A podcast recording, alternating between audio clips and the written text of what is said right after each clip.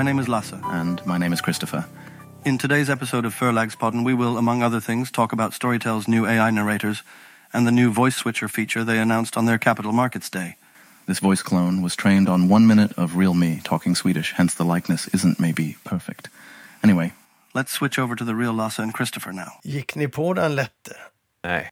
Säger jag då. Nej, det tror jag inte någon gjorde. Du tror inte det? Det tror inte jag heller. Nej. Men visst är det roligt? Ja, det där var alltså en klon på våra röster som eh, talar utrikiska. Och eh, den här klonen har gjorts av Storytel. De har då plockat upp våra röster från Förlagspodden men det hade blivit mycket bättre om vi hade gått dit och de hade spelat in oss men vi hade inte möjlighet att göra det. Och vi gör det bara för att visa ungefär hur långt man har kommit nu. Jag tycker ju att eh, jag låter yngre och det finns en viss färg av mig i rösten. Mm. Jag tycker också det finns en viss färg av dig. Och likadant på din. Men du är ju ung så du låter ju inte yngre. Nu kör vi eh, som vanligt och säger välkomna till avsnitt 192 av Förlagspodden med Lasse Winkler och och med mig. Kristoffer Lind. Och det här är alltså det sista ordinarie programmet vi kör i vår sommar. Sen har vi tre stycken som vi kallar för special, sommarspecialer. 193, 194 195 som kommer den 26 juni, den 3 och 10 juli. Och det är då längre, först ett reportage från Amsterdam med Nilsson förlag och sen är det två intervjuer med Jonas Ellerström och David Stansvik. Och David Stansvik gör du och jag ihop. Vi är i Nora. Mm. Efter det så tar vi paus den 21 augusti. Ska vi köra? Ja.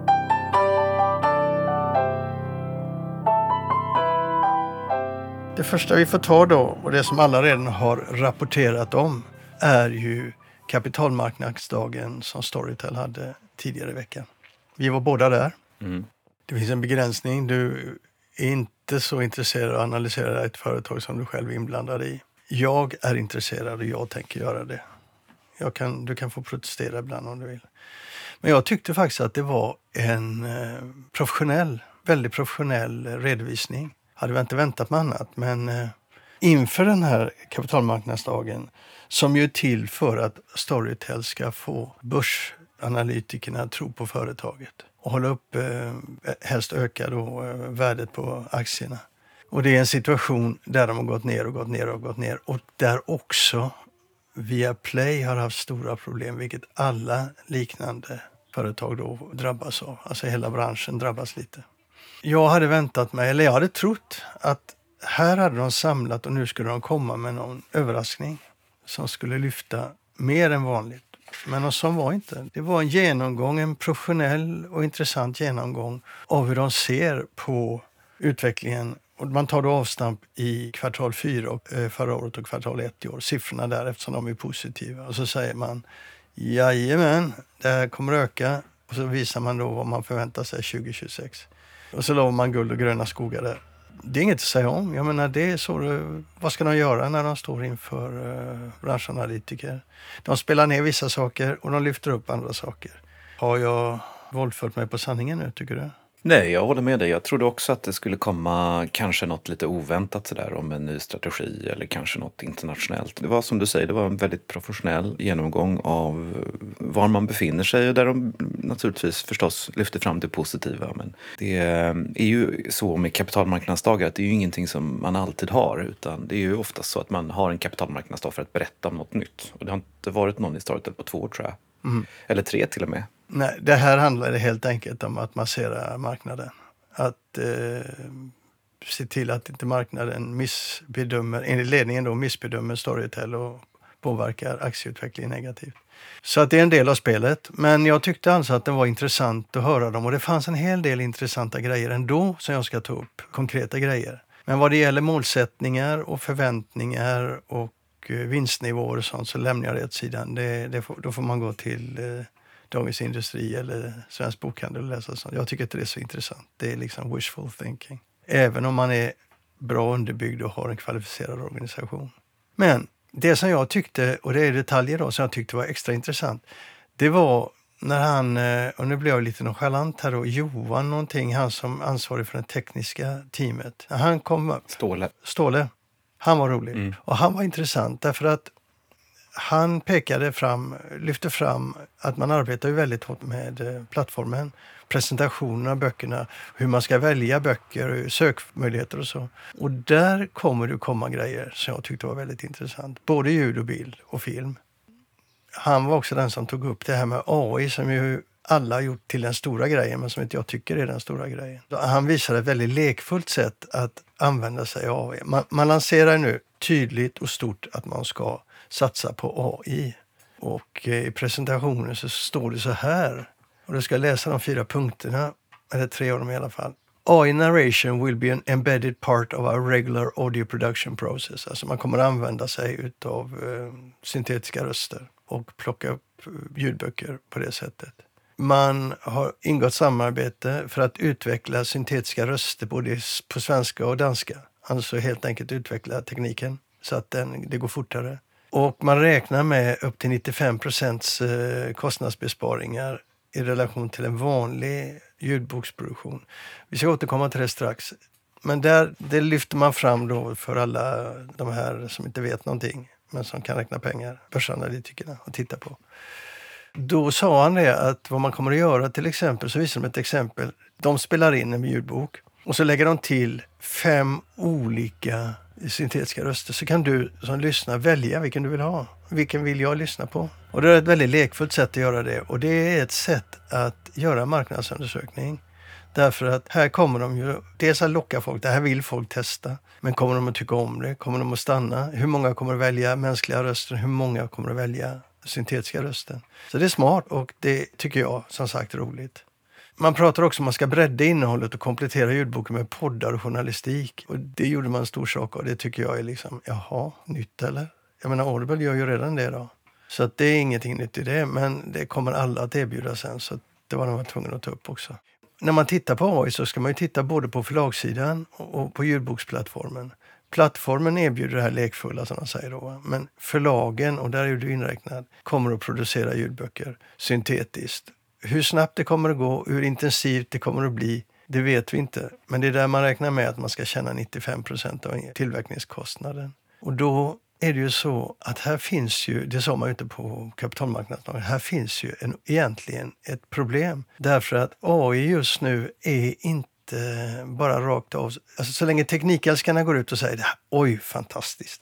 Men som i alla lägen när tekniken börjar komma och även de som inte är teknikälskare ska ta till sig den, då händer någonting helt annat. Och just nu är den gruppen av människor lite rädda mentalt för AI, alla skrämselartiklar och så. Så konsumenterna har inte vunnits över för tekniken ännu så att här får man vara lite försiktig tror jag innan man knyter sig fast vid den masten ordentligt synligt. Annars kan man få en del PR-problem. Men det får vi se vad de säger. Men det tyckte jag var roligt att se och det tyckte jag också var intressant med tanke på att tekniken hela tiden håller på att utvecklas. Så det var positivt. Men sen kommer en annan sak som jag tycker var lite, lite tveksam. Och det är, man visar en bild där de egna förlagens titlar utgör då 11 procent av alla titlar, men står för 27 procent av intäkterna. Och i samma anda sa man också det att 1 procent av vårt innehåll är exklusivt, alltså originals och så. 2% av konsumtionen kommer därifrån. Alltså så, de lyssnas på dubbelt så mycket som på vanliga titlar. Och då tillsammans med det här att 11% av titlarna står för 27% av intäkterna, då kommer ju Lasse Winkler och kommer direkt med den här frågan. Jaha, så ni trycker upp eget innehåll och trycker tillbaka alla andra? Det är min första spontana tanke eftersom det är så lätt att göra i den här typen av teknik. De här eh, marknadsanalytikerna, de det var en som ställde frågan på ett sätt som jag ska återkomma till, men de verkar inte bry sig om den frågan. Men den frågan tror jag kan bli stor och kontroversiell. Men även där sa Johan Ståhl en intressant sak. Att eh, det, finns, alltså det går inte att göra så. Du måste hela tiden ställa det mot eh, att det ska vara en bra lyssningsupplevelse. Den som använder tjänsten måste ha en känsla av att man får hela tiden titlar man vill lyssna på. Det måste vara relevant och liksom optimalt för. Du kan inte presentera titlar för någon användare som in, den, den inte vill lyssna på. Det är en balansgång det där. Ja, men den, eh, om jag då säger 11 procent och 27 procent, då är det frågan om vilken balansgång du pratar om. Då blir det mer fikande för mig. Här kommer vi nog inte vara riktigt överens du och jag, men jag tycker inte det är, jag hoppas att det blir en debatt. Nej. Men sen kan man säga så här, det är inte riktigt rättvist. Jag kommer inte ihåg den här siffran, jag minns 1 och 2% men den där 11 och 27 kommer jag inte ihåg. Men det är inte helt, heller helt intressant att säga hur många titlar man har och hur stor del av konsumtionen du har. För du kan ha ett litet antal titlar men ha rätt titlar.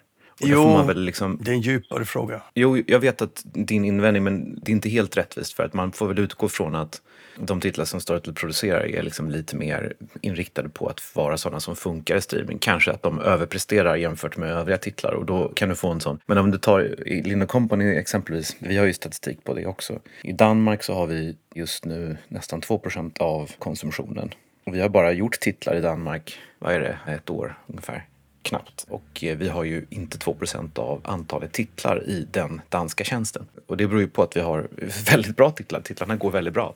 Ja, man ska göra en djupare analys, men jag tycker att det luktar lite tråkigt av den, de siffrorna. Nu var det roligt att se dem. Men vi kan släppa den för att eh, det krävs mer kunskap än jag har. Du har mer än jag och du ly- lyfter lite av det nu, det är bra. Men eh, jag tror ändå man ska titta på det. Men sen så hade man en annan uppgift. Jag fotograferade ju de här tavlorna för jag tyckte det var intressanta grejer. Då stod det så här, Monetization opportunities beyond traditional book format. EG Originals. Det vill säga man ska försöka hitta, inte ska försöka, man ska arbeta med att utveckla de här historierna. Man säger också det, man ska gå från audiobooks till audio stories. Och bakom de två beskrivningarna så ligger en massa arbete som man inte... Jag råkar av tillfällighet få höra det på ett annat ställe. Man tittar på de här berättelserna, framförallt sina egna originals.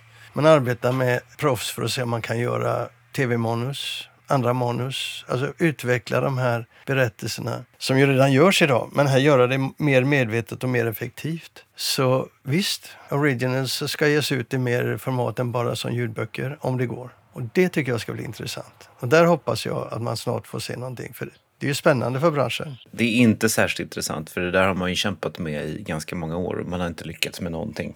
Det är svårare än vad man tror. Jag menar, det har inte, blivit, inte en enda story till Originals har blivit en Netflix-serie exempelvis.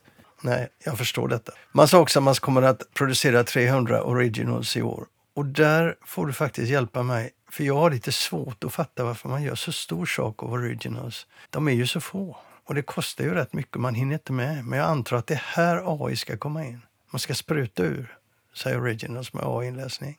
Nej, jag tror inte att det har med det att göra.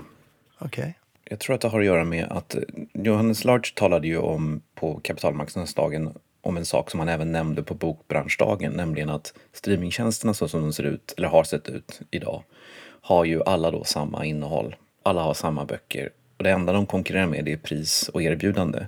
Och det har ju blivit liksom en, en konkurrens där man bara dumpar priset på böcker. Bokus har nu, är det, tre månader gratis. Eller tre månader, 90 dagar, noll kronor. Det finns visserligen ett lyssningstak men ändå. Och det här är liksom en utveckling som är väldigt oroväckande tycker han. Han tycker att det urholkar värdet på boken. Det gör att det blir mindre pengar till författarna och till förlagen.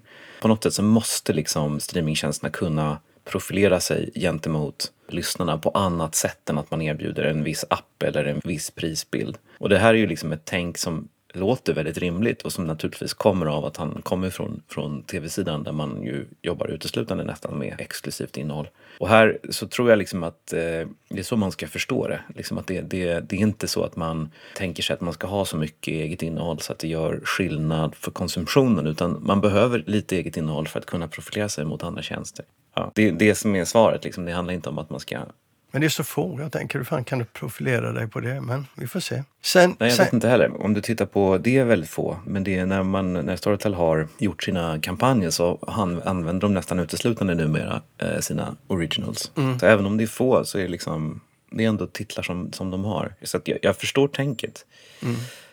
Och jag tycker också att det är rätt att man inte bara försöker eh, konkurrera med pris. Och där sa ju Åsa Eriksson också något väldigt intressant. Att hon sa att de har märkt att det är liksom inte, det är inte rätt att man Alltså, bortsett från den här ideologiska inställningen att man ska inte dumpa liksom, priset och värdet på en bok så eh, har de också märkt att om, om man eh, går ut med kampanjer som inte kostar någonting så får man också abonnenter som tycker att böcker inte är någonting värt. Man får mindre körn, man får bättre användare om de betalar någonting än noll.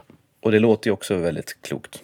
Mm, jag tror också det. Men vi ska komma till körnen där sen, för den förklarar vad det är också. Men en sak som också togs upp som inte har fått så stort eh, genomslag, det är att man omförhandlar avtalen nu.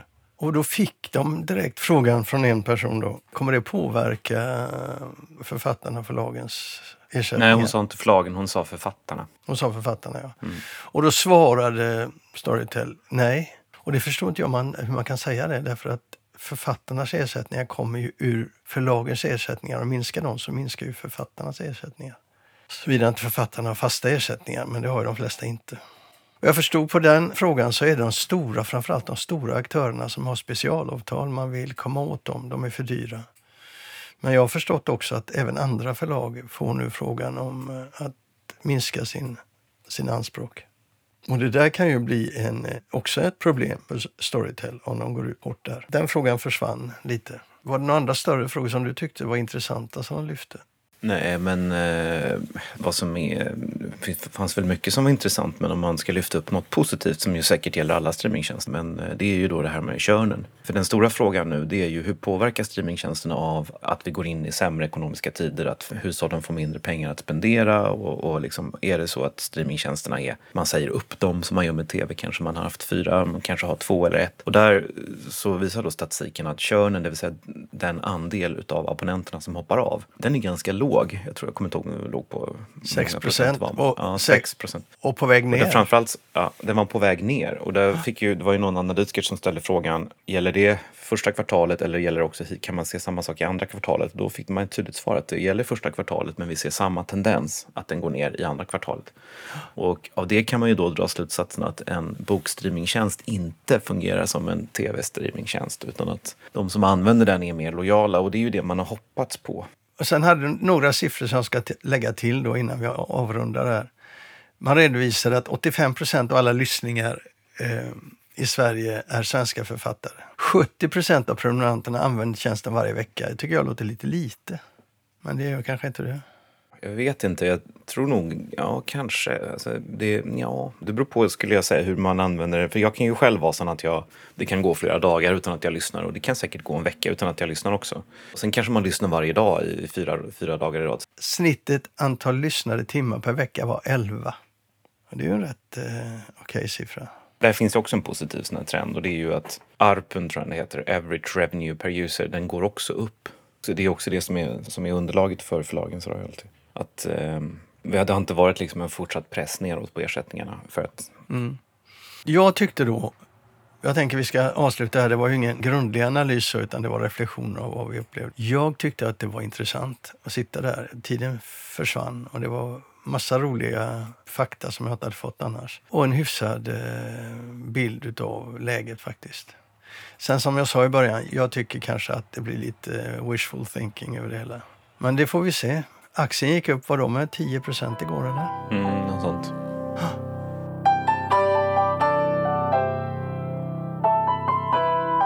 Du, nästa grej handlar om en bok. Mm. En bok som både du och jag har läst. Vad säger du? Ska du få presentera den?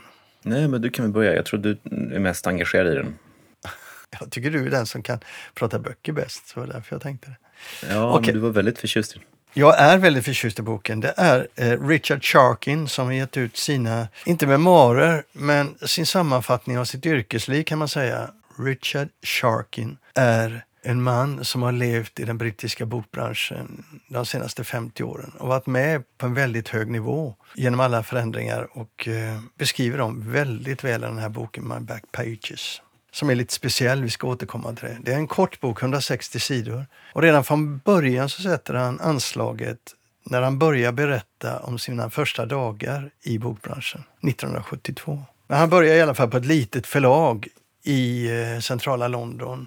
Och han beskriver hur de klär sig. Mm. Det är kostym och det är eh, slips inte bowlerhatt, det slipper han. Men annars så är det inte så mycket som skiljer honom och en statstjänsteman åt eh, vid den tiden, 1972. Nej. Och så beskriver han ju hur förlaget är organiserat. Alltså det är obetalbart. Hur många ja, de är. Ja.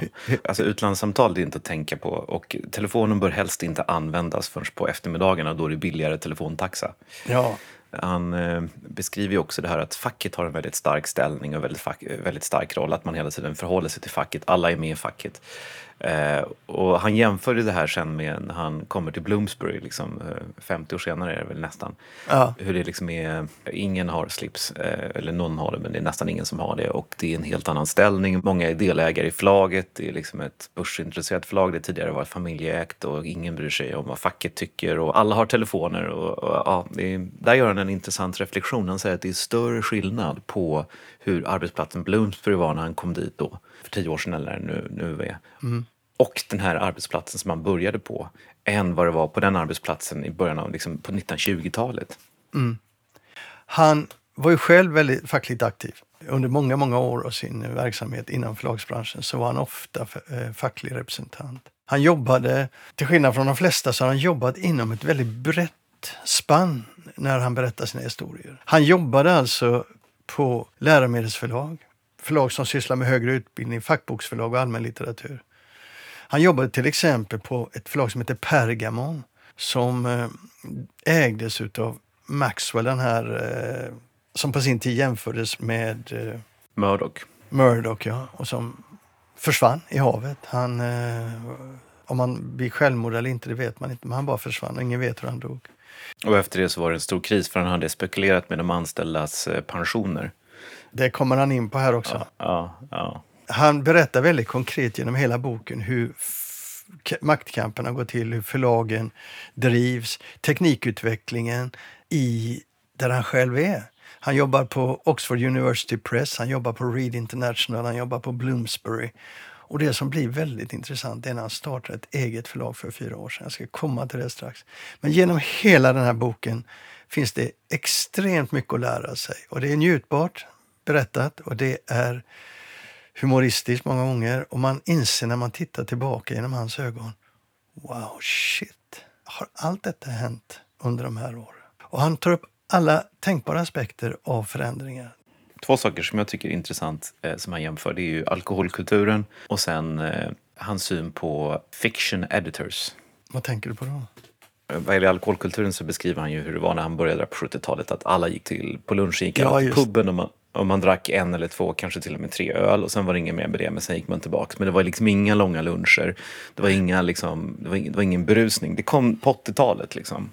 80-talet var liksom den perioden som man, man slängde ut stora förskott och som det blev väldigt liksom mm, förlagsbranschen och det var liksom eh, högtiden för literary English fiction med författare som Salman Rushdie och Martin Amis och sådär. Ja. Och det, då, det, då, det var den gyllene perioden ja, kallar han det. Ja, det var den gyllene perioden. Och sen så idag har det liksom gått ner lite grann. Men sen det här med fiction editors, han kommer ju då från en bakgrund väldigt mycket. Hans största bakgrund är ju att han började på det här första förlaget så var han ju science editor. Mm. Och sen så har han jobbat på Oxford University Press, han har jobbat med scientific journals och sådär. Så han kommer ju väldigt mycket från den bakgrunden. Mm. Och när han första gången fick kontakt med general trade och fiction så var det lite som en chock för honom.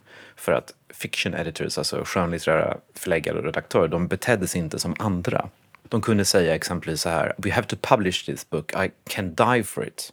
Att de var eh, inte så, så skulle man aldrig uttryckt sig på Oxford University Press, utan det fanns en person som han beskriver som negativ. Ja. En person liksom som, som också var illojal ibland mot företaget och att de här fiction editors, de betedde sig inte som andra som gick till puben och pratade med varandra, utan de kunde liksom, hade de något möte så kunde helt plötsligt så kunde företagets eh, framtidspolicy läsas i Private Eye eller något sånt där, alltså en, en skvallertidning. De minglade och de dök upp på alla möjliga liksom, sammanhang och sådär. Fiction editors var en annan typ.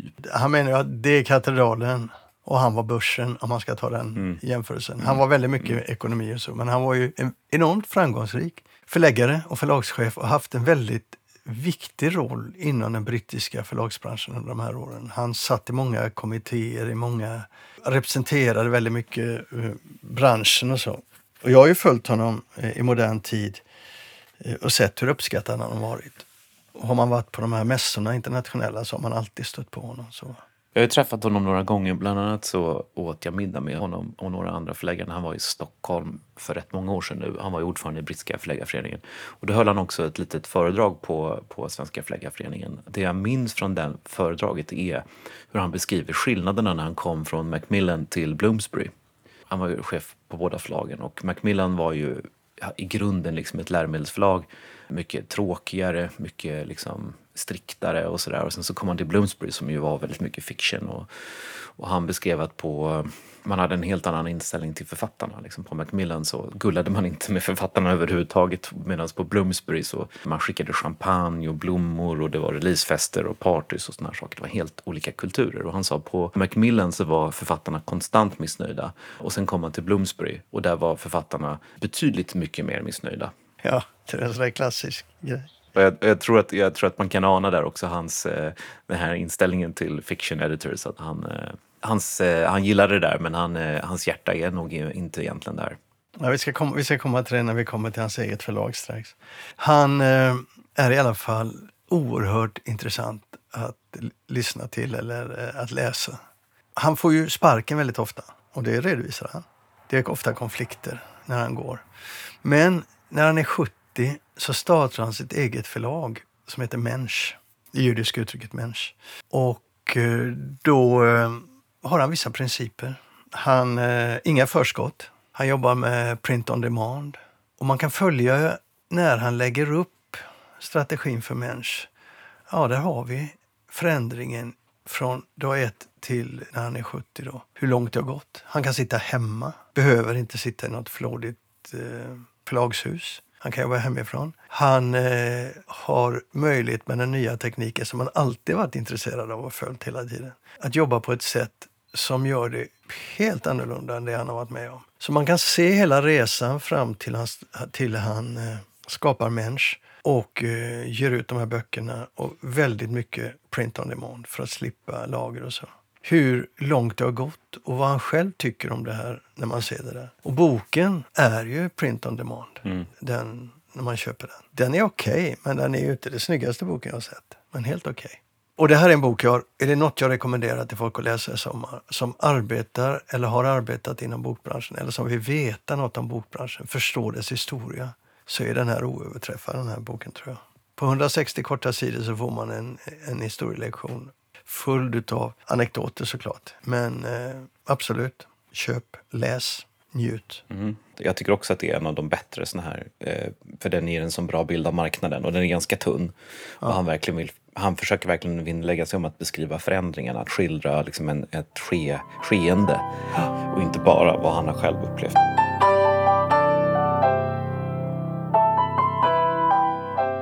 Du Johan. Yes. Vi börjar med det krångligaste. Namnet. Johan Kimrin. Nej, på förlaget. Ah, apart förlag. apart förlag? Ja. Varför det? För att jag är från Malmö och då låter apart konstigt att säga.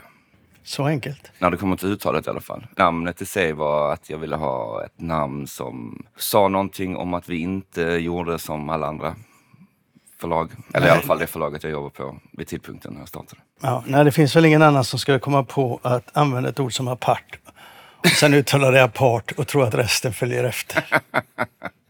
nej, kanske inte. Jag är väldigt nyfiken på någonting som du har blivit en fena på. Du ger ut tecknade serier. Mm, mest. Säger man det eller säger man grafiska romaner? Serieböcker har blivit någon form av eh, samlingsnamn för att alla var så förvirrade med grafiska noveller var det ju inte, för det var en direkt översättning. Så att, någonstans har seriebok blivit, eller serieböcker blivit någon form av samlingsnamn för det som funkar. Då tar vi det. Mm -hmm. The Walking Dead var alltså den första boken du gav ut. Mm. När började du med detta? 2011 i samband med att tv-serien skulle komma så tyckte jag det var en bra idé att uh, serietidningen skulle ges ut som var förlagen. Och så försökte jag pitcha det till Egmont som jag jobbar väldigt mycket för. Då.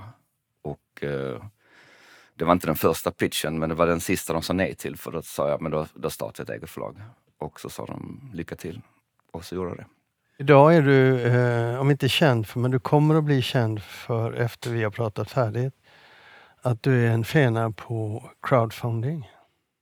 Ibland. Vi har ju haft ett par framgångsrika kampanjer i alla fall. Vi ska återkomma till dem, men varför? Det är ju ändå inte... Nu vet jag att hela seriemarknaden crowdfundar när de kan, mer eller mindre. Ja, en del. Ja, i alla fall när jag var på serie på Stockholms bokdagar, på den här seriemässan. Stockholms internationella seriefestival. Då pratade med folk, då var det väldigt mycket crowdfunding som låg i botten. Mm. Då är det väl den typen av crowdfunding som vi också gjorde i början, att det mest handlar om att, uh, att få in ett startkapital för att kunna göra, trycka upp och så vidare. Då är det ju väldigt mycket gräsrotsfinansiering.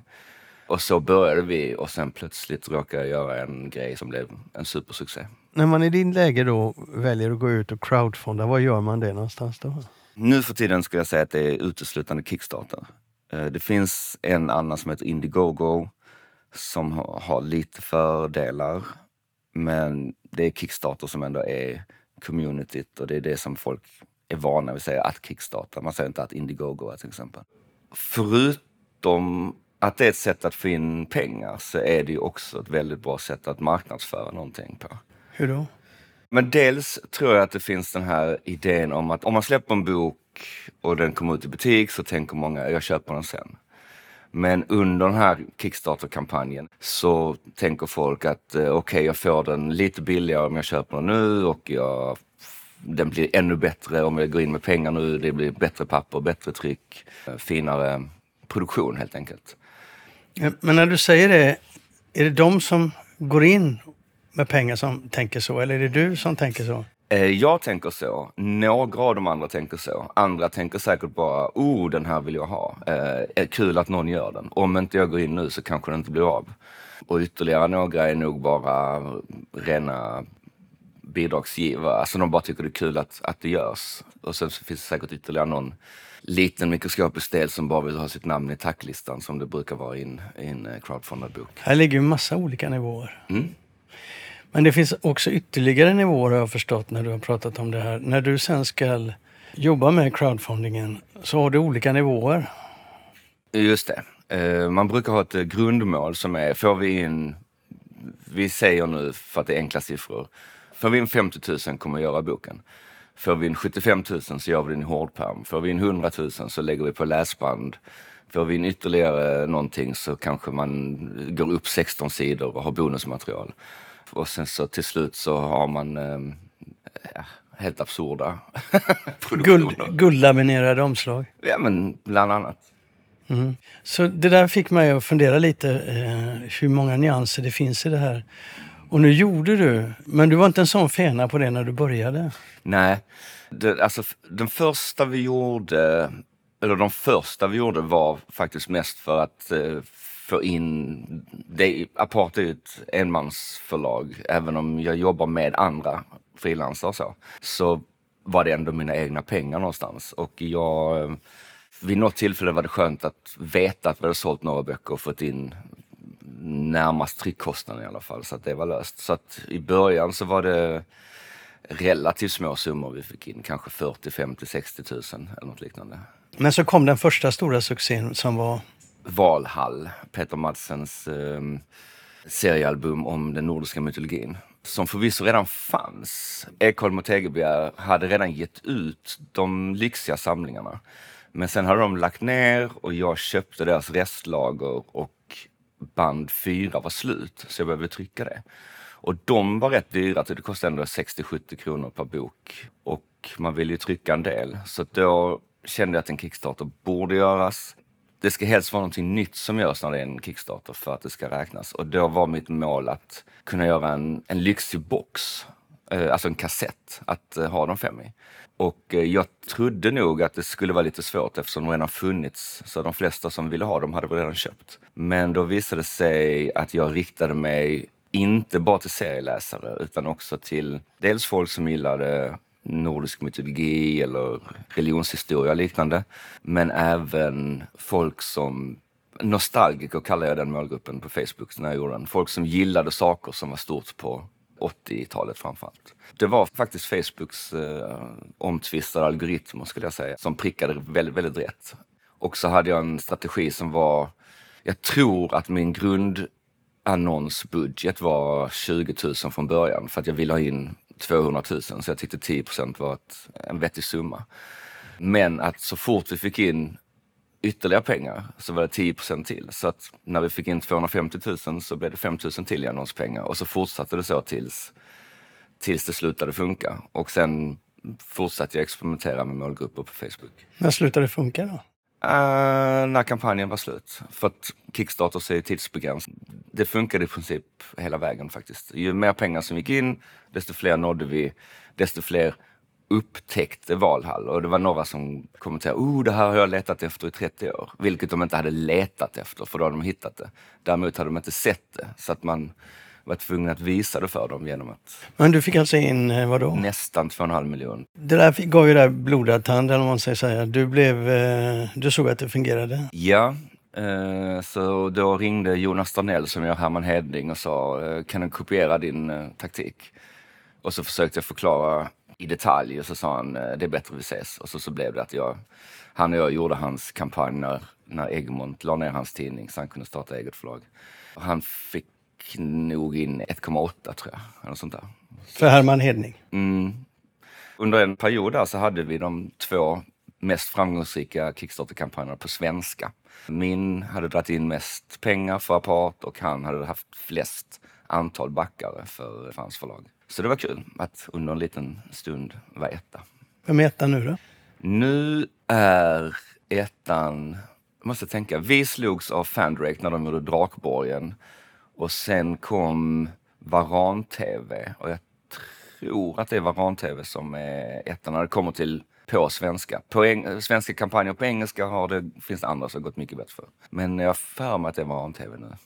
Och de fick in hur mycket då? Det minns jag inte. Jag tittar inte på konkurrenter på det viset. Nej, men du, du, fick, du fick i alla fall blodad tand och Absolut. du gav dig på ett nytt eh, projekt själv. Ja, jag, Kalle Hobbe, samlad Kalle Hobbe hade liksom länge varit en, eh, en, dröm, en dröm att ge ut Kalle Hobbe så som jag tycker att den borde getts ut. För att det har inte gjorts innan.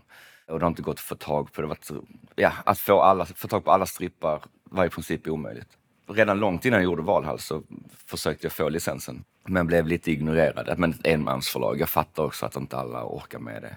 Efter Valhall så blev jag uppringd och sa, ska vi göra den här Kalle Hobbe-boxen nu då? Så började jag arbeta med den. Hur det gick? Kom igen. Jo, men den gick eh, ungefär lika bra. Den gick över 2,5 miljoner. Sen har jag gjort andra kampanjer också som inte varit i närheten, som, som ligger på 100 000 och så vidare. Så att, eh, det är inte så att en Kickstarter med automatik drar in 2,5 miljoner. Men med Kalle och Hobbe så, fick, du- så hade du också olika nivåer. Där började det med att vi gör ut en i mjukpärm, vi gör en lyxig box, vi gör eh, klottyg, guldfoliering på kloten, boxen för, boxen för, för tyg. Och sen så till slut blev det också, just det, vi handtext, allting blev handtextat för att vi kunde betala Ann Torssell som hade textat lite Kalle Hobbe sen tidigare, som då fick texta om resten nu när vi det visade sig att vi blev tvungna att nyöversätta den. Det trodde vi inte när vi började för att vi trodde det gamla skulle gå att använda men det gjorde det inte. Och sen så brukar vi ha som sagt en liten tacklista till alla som var med och backade. Och den listan urartade och blev istället en eh, bonusbok på 112 sidor med en massa fanart och bonusmaterial om produktionen och hur vi hade gjort den och så. Och det är också så att de här produkterna de blir dyrare med tid. Det är ungefär som Taschen när de ger ut eh, fantastiska böcker. Ju, eh, ju mindre böcker de har kvar, ju dyrare blir de. Ja, men det, priset gick upp delvis för att tillsammans, först hade vi, jag tror att om man var med från början så betalade man 1500 kronor tror jag. Men samma ögonblick vi gick upp till att den skulle bli hardcover, så från och med då, de som kom in efter det fick betala kanske 1699 istället. Och sen när vi nådde ett annat mål så höjde vi priset igen. Så att de som var tidigt inne fick betala det de gick in med först. Men de som kom senare, som var senare på bollen, eh, straffades, eller vad man ska säga, med ett lite dyrare pris. Men de, det var ju bara för produktionen blev dyrare och dyrare i takt med det. Hur har andra serieförlag tittat på det här? Hur har de dragit för slutsatser av ditt arbete? Ja men som sagt, Jonas Starnell med Herman Hedning har jobbat ungefär likadant. Att öst in mer pengar ju mer pengar som kommer in. För det är ju, säg att vi la 300, det var lite mer än tipsen. Säg att vi la 300 annonspengar på, alltså 300 000. 300 000 i annons, bara annonskostnaden av det på Facebook. Det är ju någonting som om man, även om vi hade bestämt oss från början att den skulle bli så här dyr och lyxig. Jag tror tryck, bara trycket gick på 1,3 miljoner tror jag. Hade vi bestämt oss från det från början och gått in med 300 000 i annonsbudget och den floppat, då hade inte det varit så himla kul. Det är ett utmärkt sätt att se vilken nivå ska vi faktiskt lägga den här produktionen på. Och nu blev den sådär bättre än vad vi vågade hoppas på. Jag förstår också att inget annat förlag som inte kan hålla på med crowdfunding för att det, det kanske känns fånigt för Egmont eller Bonnier att be om pengar. Det är inte så att de saknar pengar. Jag tycker att de borde kunna göra crowdfunding för att ha det som en marknadsundersökning. Vill folk ha det här eller inte? Det går lite utanför deras sätt att jobba tror jag. Så det, det, det passar kanske inte. Jag, jag, tycker det passar alla, men alla väljer inte att jobba så. För du har sett också att det här är en, inte bara en marknadsföringskanal, det är också en väldigt bra kanal för att skapa en grupp utav... Uh, du får adresser. Mini-ambassadörer. Jo, men du får också du får adresser, absolut. du får kontaktytor ja. som du kan använda för förlaget. Ja, absolut. Så nu har jag väl, eh, så, så att mailinglistan växer med det här och då är det också relativt lätt att säga hej hej om ni som gillade Valhall-produktionen, här kommer nästa drömprojekt. Eh, nu vill vi göra Kalle Hobbe minst lika bra. Sen är det inte alla som gillar Valhall som gillar Kalle Hobbe, men det finns ett överlapp såklart. Och de har inga problem med att eh, hoppa in. Och de vet ju att även om det kanske blir lite förseningar på grund av att ju bättre produktionen blir desto längre tid tar det att fippla till saker. Särskilt om man då ska nya och sätta och texta för hand. Vissa kan bli lite sura och tycka nu tar det för lång tid. Hur kan ett seriöst förlag, som de tror att Apart är, inte leverera i tid? Och så får man förklara, jo men vi gör ju det här och det här och det här eftersom vi nådde de här olika stretch goalen. Men, men, vissa är inte riktigt med på det. Men de flesta, de flesta är med på det. Hur många böcker ger du ut om, eller hur många serieböcker ger du ut om året? Nu inte särskilt mycket. Jag gav eh, kanske två förra året. Eh, Kalle Hobbe. Nu är ju den på nästan 1500 sidor, fyra tjocka volymer. Så att säg kanske sex böcker i år. Men när jag jobbade som mest så var det nog eh, runt tio på ett år. Men det var lite för slitigt för jag har lite andra jobb också. Som ja, du är journalist i botten? Journalist i botten och jobbar även eh, sen, sen jag listade ut det här knepet med på Kickstarter så har jag även jobbat som marknadsförare åt eh, lite andra uppdragsgivare också. Jag vill också bara säga att jag, jag kommer inte på den här idén med att så länge annonserna funkar så fortsätter man ösa in pengar. Den, det är ju en, en, digital marknadsföringsprincip som är rätt vanlig. Den bara visar sig funka väldigt, väldigt bra tillsammans med Kickstarter och med sådana här, vi kan nu kalla dem nostalgititlar helt enkelt. Att då funkar den överraskande bra. Men som sagt, funkar inte med alla titlar. Så därför är det svårare för en som nu när du var på Stockholms internationella seriefestival, att någon där ska säga, oh perfekt, jag lägger 10 000 i marknadsföring så får jag in 100. Det är inte alls säkert att det funkar för att om inte folk, alltså Kalle Hobbe är ju ett av världens mest kända serievarumärken. Eh, så det är klart att den har gått i serieparaden hur mycket som helst och albumen finns det mängder av. Så att det var ju också tacksamt att välja att ha just Valhall och Kalle Hobbe. Hur många ex tryckte du de här boxarna i? Valhall tryckte vi 2 500 vilket visade sig vara i alla fall 500 för lite. Eh, för den är slut. Böckerna finns men boxen är slut. Eh, så Kalle Hobbe tryckte vi 3000.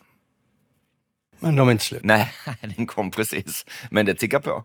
Eh, den här bonusboken som jag pratade om, den tryckte vi bara i 2000 ex. För den skulle ju främst till, till alla som hade medverkat, backat eller bidragit med fanart eller något annat. Så bonusboken är i princip slut. Men du har ändå klarat att hålla det här förlaget i 11 år. Om det finns där ute andra som vill starta ett serieförlag, mm. vad skulle du säga till dem då? Man måste göra det för att man vill göra det. Jag tror att jag har tjänat pengar på Apart, eh, men jag har inte levt på det särskilt många månader totalt. Så jag skulle säga att du måste göra det för att du vill göra det. Och eh, det är bra att samarbeta med andra till exempel som jag sa, efter då att jag ville slå Darnell i Kickstartern. Vi kände ju varandra, han är världens trevligaste.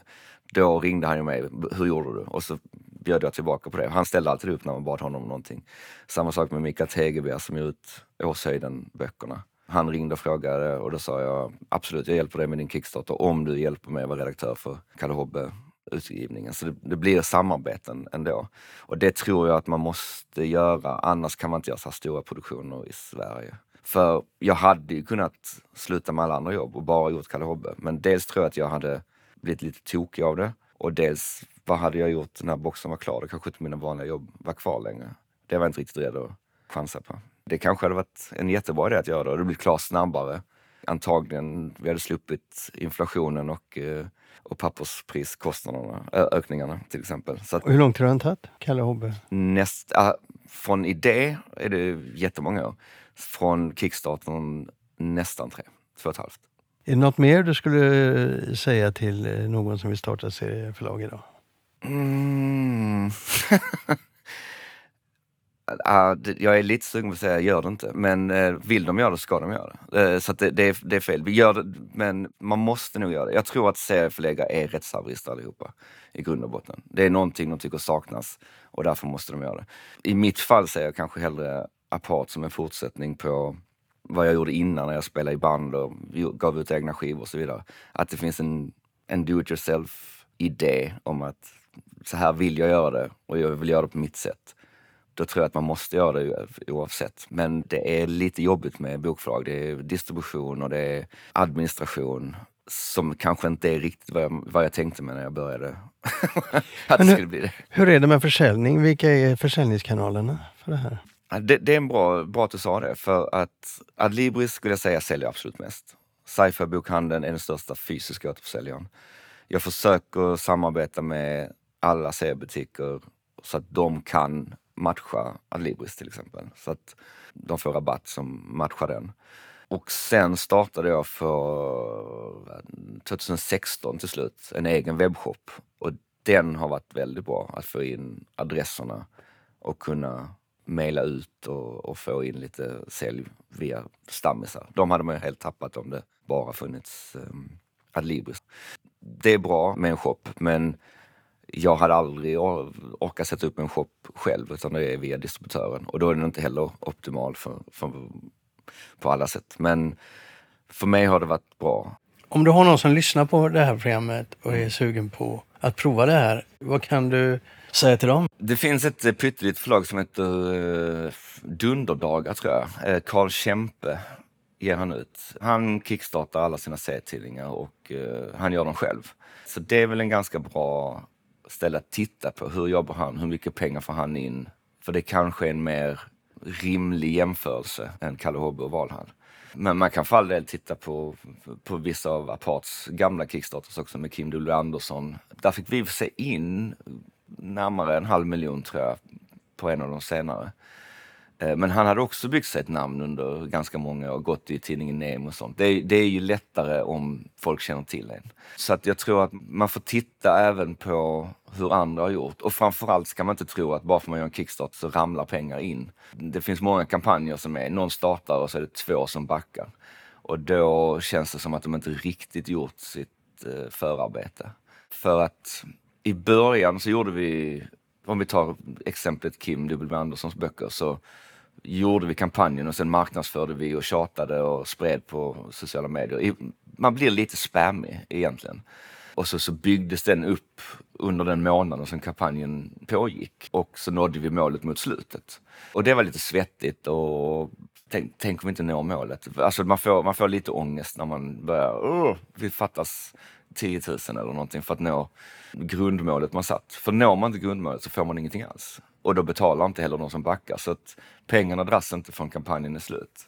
Så man måste nå sitt mål. Efterhand så har vi lärt oss, så både Valhall och Kalle Hobbe gjorde vi liksom en rätt, ja men en, en bra förkampanj där vi sa skriv upp er på den här mailinglistan om ni är intresserade av att vi ska göra den här. Får vi in tusen namn så vet vi att det är värt att göra det och då sätter vi igång Kickstartern. Så vi gjorde liksom en förkampanj innan själva kampanjen. och eh, Det var ju väldigt effektivt. Båda de nådde sina grundmål på några timmar bara. Vilka plattformar eh, fungerar där? Du sa Facebook. Facebook funkar utmärkt. Vi brukar passa på att slänga in det på eh, Instagram också. Det är ju Meta som äger båda. Så att, men jag skulle säga att i alla fall vår målgrupp som är åtminstone 30 plus, kanske till och med 40 plus ibland. Äh, 30 plus säger vi. Där är Facebook fortfarande bra. Jag skulle gissa att riktar man sig till 19-åringar så kanske man snarare ska vara på TikTok eller någon annanstans. Det vet jag inte. Vi har inte varit där. Eh, och så mail funkar också utmärkt. Den här förkampanjen var, skriv upp dig på mailinglistan så får du ett mail när vi sätter igång. De tidiga får ett bättre pris. Så att mail och sociala medier skulle jag säga funkar utmärkt. Jag tror inte att Google-annonsering är perfekt för eh, Kickstarter-kampanjer för att man hamnar ändå organiskt ganska högt upp. Det, det har varit någon kampanj som av någon anledning inte dök upp eh, i organiska sök och då kanske man skulle annonserat. Men jag har inte sett någon anledning att annonsera på Google. Absolut inte i tunnelbanan, det verkar helt meningslöst. Eller hur? Det finns ju bara tunnelbana i en stad i, i Sverige. Är det någonting som jag borde prata med dem som jag inte har vett på att förstå innan? Strindberg som zombie-kollektionen kanske. Berätta då, får vi höra. Jag tror det var när Strindberg var död i 100 år. Kan det vara 2014 eller något sånt. Då gjorde Jimmy Wallin, som var med och grundade Apart faktiskt, men som, som jag köpte ut senare. Han är fortfarande inblandad till och från, men han gjorde en rolig Strindberg som zombie. Eh, och jag tyckte den var så kul så vi tryckte upp den på tote bags och på t-shirts. Och på damtrosor faktiskt. En, en blodig Strindberg. Såldes som smör. Men jag trodde att, att eh, det var väldigt många bibliotekarier som älskade Strindberg som zombie. På underkläderna. Så det, det var en... Eh, jag hade gärna gjort mer såna merch-grejer men jag tycker merch är otroligt jobbigt att hantera med logistiken och olika storlekar och modeller och så. Men, men det är roligt att göra knäppa sidogrejer. Vad, har du några mer rekommendationer? Eller har du några mer, så här, det här ska ni tänka på? Eh? Alltså distribution, nu, nu är vi, nu är Apart ändå 12 år in i, 12 år gammalt. Distributionen tyckte jag i början var rätt rörig att fippla med. Så man ska nog veta lite vad man ger sig in i där. Om man inte vill skicka dem själv från garaget. Jag har aldrig varit intresserad av att hålla på och ha 50 olika böcker i garaget och plocka själv och skicka. Så att jag har alltid eh, i början hade vi en indie-distributör och sen gick vi över till skärmdistribution som väl nu heter Star Distribution tror jag. Det kostar, och det ska man vara medveten om, att, att eh, det kostar lite mer än vad man tror att ha en distributör faktiskt. Det, är inte, det finns förvisso en prislista men det är alltid något annat som kommer till. Och på Kickstarter så får man tänka på att eh, Kickstarter tar 5% av pengarna och sen så tar Stripe, som är betalningstjänsten, eh, några procent. De brukar skriva upp till 2,5 procent, men jag skulle säga att det är lite mindre än så ändå. Så att, tänk på att det är, det är massa eh, dolda kostnader och så är det alltid någonting som strular med trycket om man får trycka om ett ark om man, om man hittar något fel. De flesta böcker jag gör gör jag inte provtryck för. Men både Valhall och Kalle Hobbe, eftersom det är så fruktansvärt dyra produktioner, har vi faktiskt haft eh, provtryck innan vi kört igång på riktigt. Okej okay, Johan, tack ska du ha. Tack. Trevlig sommar. Tack detsamma.